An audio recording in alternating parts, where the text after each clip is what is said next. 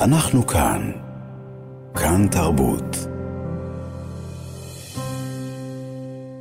אנחנו מדברים הרבה על בני האדם, מטבע הדברים שנמצאים בחזית ובמלחמה, אה, ובאותו יום נורא בשבת, הנטבחים, אבל צריך לדבר גם על בעלי החיים, ויביאנה, כי היו שם המון כלבים שברחו אה, באותו היום, והכלבים שגם מצאו את מותם ונרצחו. אה, ובכלל, בעלי החיים שמקיפים אותנו, גם הם עוברים וגם משהו. וגם בעלי חיים שנשארו לבד. נכון. שחוו אובדן, כי הבעלים שלהם... אה, עברו את הדברים. כבר לא כאן, או כן. כן. אה, וגם עכשיו, אה, כשיש אזעקות, כשיש מתח, הם רואים אותנו ובטח מושפעים, ותהינו לעצמנו, מה מרגישים בעלי החיים? זאת שאלה שתמיד מאוד מעניינת, אבל בטח במצבי קיצון כאלה. אז בואי נברר. נגיד בואי. שלום לפרופסור דוד אילם, פרופסור אמריטוס בבית ספר לזואולוגיה של הפקולטה למדעי החיים באוניברסיטת תל אביב. שלום, דוד. שלום. שלום. בעלי כן. חיים מרגישים כמו שאנחנו מרגישים? אה, אם נאחז בדרווין, אז כן, הוא טען שיש רצף בין בעלי החיים לבין בני האדם, והרצף הזה הוא גם ברגשות, כאשר ההבדל הוא הבדל ברמת ההתבטאות, ולא כל כך, לא בטיבם של הרגשות, אלא בעוצמתם. כשאתה מדבר על רגשות, אתה מתכוון ל... אז בואי, מה זה רגשות? בוא. Uh, יש לנו תחושות, תחושות זה דבר סובייקטיבי. אנחנו כן. חשים דברים, אבל בעצם אף אחד לא יכול לדעת מה התחושות שלנו. לעומת זה, רגשות הם הביטוי לתחושות, שהרבה פעמים הוא ביטוי חיצוני. Mm-hmm.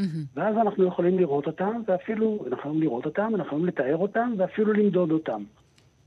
עצב, שמחה, אה, נכון. התרגשות, זה דברים שגם פיזית אפשר לראות, לא רק אה, נכון, במשהו נכון, פנימי. נכון, יש להם ביטוי חיצוני. ויש להם תפקיד גם. ודאי. בכל הרגשות יש בסופו של דבר תפקיד מסוים, ויש כל מיני צורה, צורות שמחלקים את הרגשות. יש שטוענים שיש... אה, החלוקה המקובלת ביותר היא לרגשות בסיסיים ולרגשות מורכבים. כאשר הבסיסיים, והם משותפים לנו בוודאות עם בעלי החיים, זה פחד, גועל, שמחה, הפתעה, כעס ועצב. Mm-hmm. הרגשות המורכבים יותר, אנחנו אפילו בבני אדם לא כל כך מבינים אותם. אה, אהבה, שנאה, אמפתיה, תסכול, חרדה, דיכאון, כל אלה הם ככל הנראה תמהיל של רגשות בסיסיים ועוד דברים, והם יוצרים דברים שאנחנו לא כל כך מבינים אותם. אז אתה אומר שגם לחיות, את המורכבים יש גם לחיות? יש, יש דוגמאות לזה. עוד פעם, אנחנו לא כל כך מבינים את זה בבני אדם, ולכן אהבה.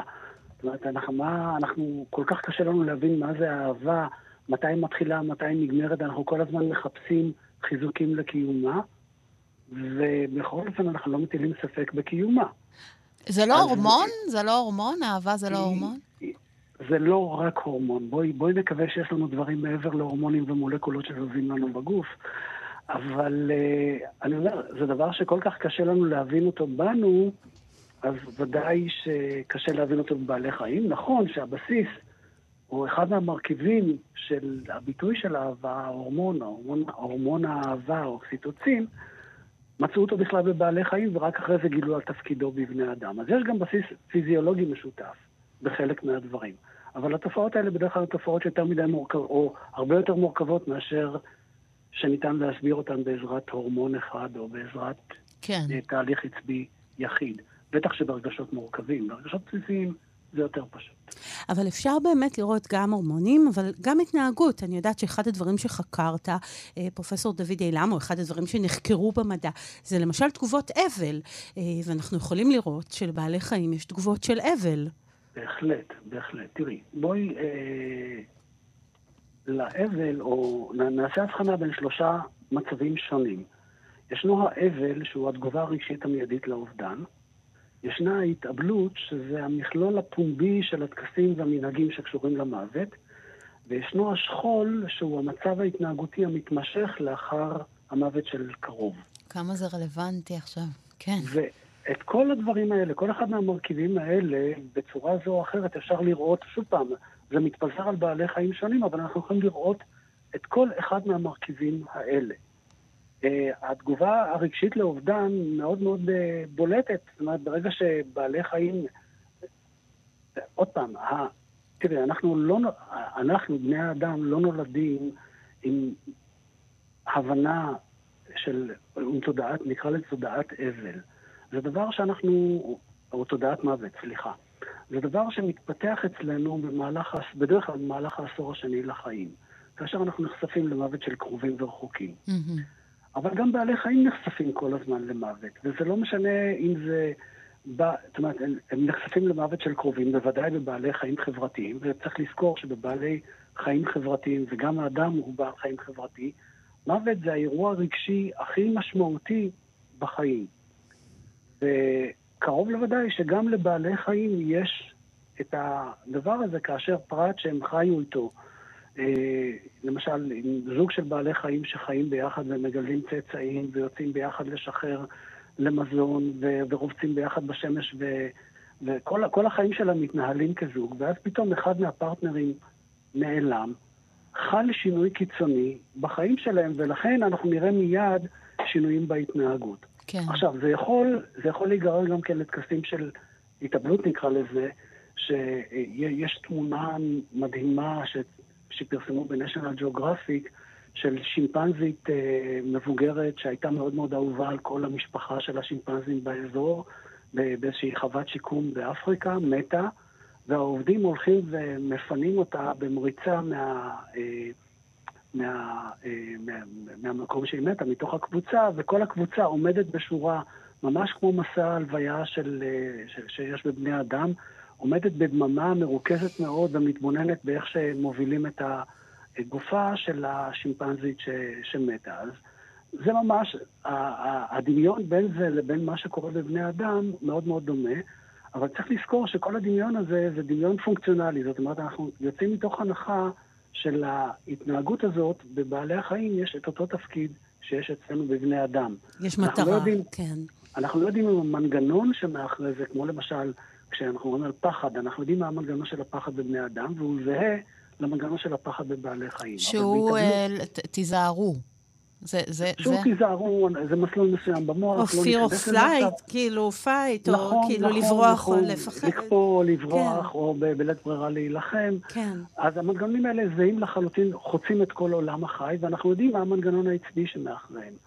השאלה אבל... שמטרידה אותנו כאן, והיום אנחנו בימים של uh, מלחמה וטרור, והרבה בעלי חיים, גם בבתים, אבל גם בטבע מסביבנו, uh, חשים פחד וחשים uh, uh, אבל וסטרס. עכשיו, לבני האדם, אנחנו כן. מביאים פה שורה של פסיכולוגים שמגיעים אלינו לאולפנים ויבורכו כולם, שנותנים לנו עצות על להתנדב ולעשות, ועל uh, לעשות ספורט, ועל uh, לשמוע מוזיקה מרגיעה.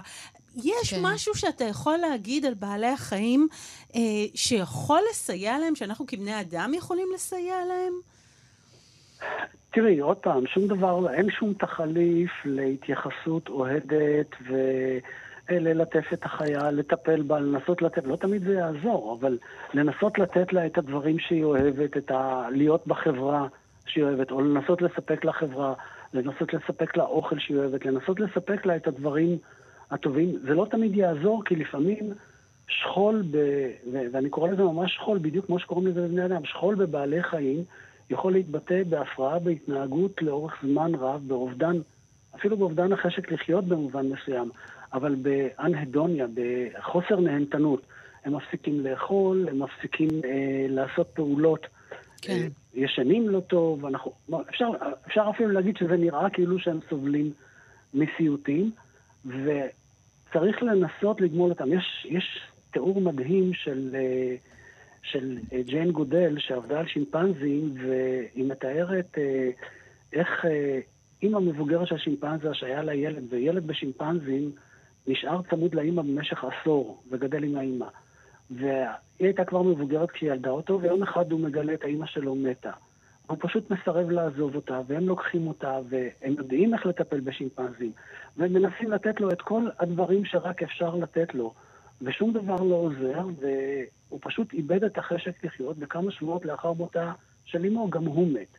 זאת אומרת, זו דוגמה קיצונית מאוד לשכול בבעלי חיים, וכמובן שזה נשמע לנו מאוד מוכר משכול מביטוי קיצוני של שכול בבני אדם. בבני אדם, זה נשמע זה... הדברים האלה חלים גם, נגיד, על חרקים, על, על, על כל, על תולעים, על... אה, שאלה טובה, כי כולנו, רובנו חושבים על כן. חתולים וכלבים, על חיות שמסביבנו, אבל השאלה אם זה משותף לכל בעלי לכל החיים. לכל היצורים החיים, כן. אז תראי, אני הבאתי דוגמה על שימפנזה שהוא בעל החיים הקרוב ביותר אלינו. כמה שאנחנו מתרחקים, קרוב לוודאי שאנחנו נראה רמת המורכבות של ההתנהגות יורדת.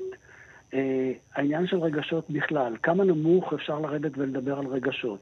אז כשמדברים על רגשות לא בחוליית עניים, זאת אומרת, נעזוב מדגים, אה, דגים דו-חיים זוחלים עופות יונקים, זה בעלי החוליות, נרד למטה, מי שמייחסים להם תבונה שמתקרבת לזו של החוליית עניים, הם התמנונים והדיונונים. אז... ש... Mm-hmm. ש... שבהם מתארים התנהגויות שנראות כמו התנהגויות אה, שכלתניות בבעלי חיים מפותחים יותר, ביונקים. בחרקים, בבעלי חיים אחרים, קשה מאוד לבוא ולראות, אה, לא, לא רק בהם, בכלל בבעלי חיים. עוד פעם, צורות ההבעה של רגשות. זאת אומרת, אלייך אני יכול לגשת ולשאול אותך מה את מרגישה. כן. בבעלי חיים אנחנו לא יודעים, אנחנו צריכים רק, הכלי העיקרי שיש לנו, זה, זה לנסות להסתכל על, להתבונן על ההתנהגות. לפעמים יש לנו מדדים פיזיולוגיים, אבל גם זה קשה, כי אם ניקח למשל את הדופק שלי, ש, ש, שפועם חזק כשאני מפחד, אבל הוא פועם חזק גם כשאני מאוד שמח. Mm-hmm. אז הדברים האלה הם לא חד משמעיים, ולכן כאשר לוקחים ומנסים למדוד דברים כאלה בבעלי חיים קשה, אפילו אם נרד מבעלי החיים שיש לנו הבעות פנים ו- וקשקושי זנב והתנהגויות אחרות שמעידות על המשמעות של ההתנהגות, אז קשה לנו מאוד לעשות את זה, ובחרקים או בתולעים, הדבר הזה כמעט בלתי אפשרי, כמעט לא נגיש לנו. אני לא אגיד שאין לנו את זה, כי אנחנו לא ניקח את זה, שזה שאנחנו לא יכולים להוכיח את זה כהוכחה לכך שאין את הדבר הזה. אבל, אבל אנחנו... עם השנים, סליחה שקטעתי אותך, פרופסור אליים, אתה חוקר את הנושא הרבה שנים, ובהרבה צורות, והיית שותף להרבה מחקרים.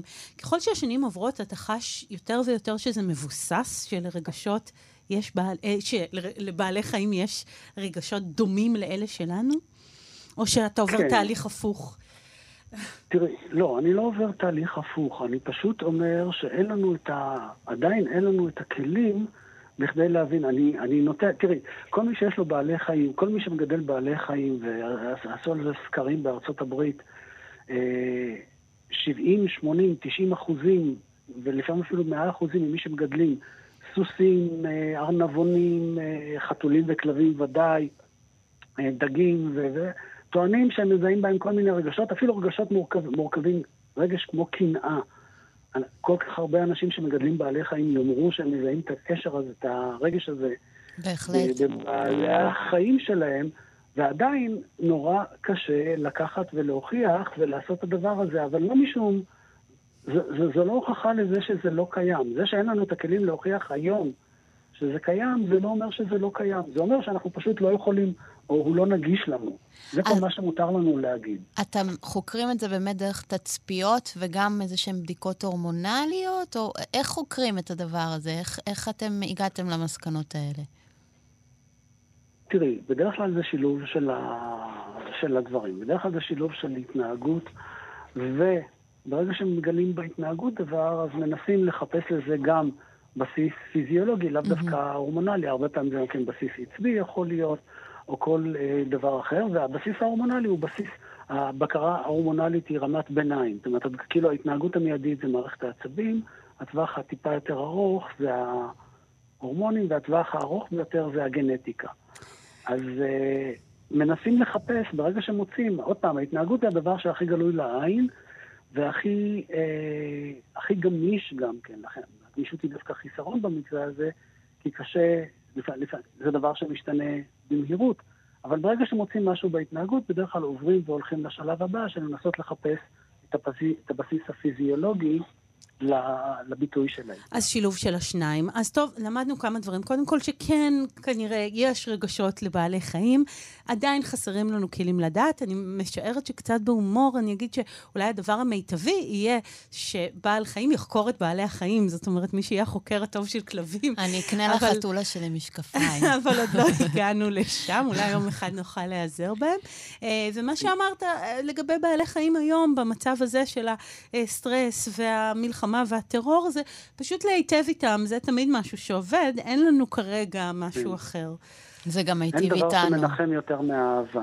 אז לגמרי. זה תמיד נכון, ו... נכון, וזאת נעשה. אז תודה רבה לך, פרופסור דוד אילם, פרופסור אמריטוס בבית הספר לזואולוגיה של הפקולטה למדעי החיים באוניברסיטת תל אביב. תודה רבה. להתראות. בבקשה. להתראות. אנחנו כאן. כאן תרבות.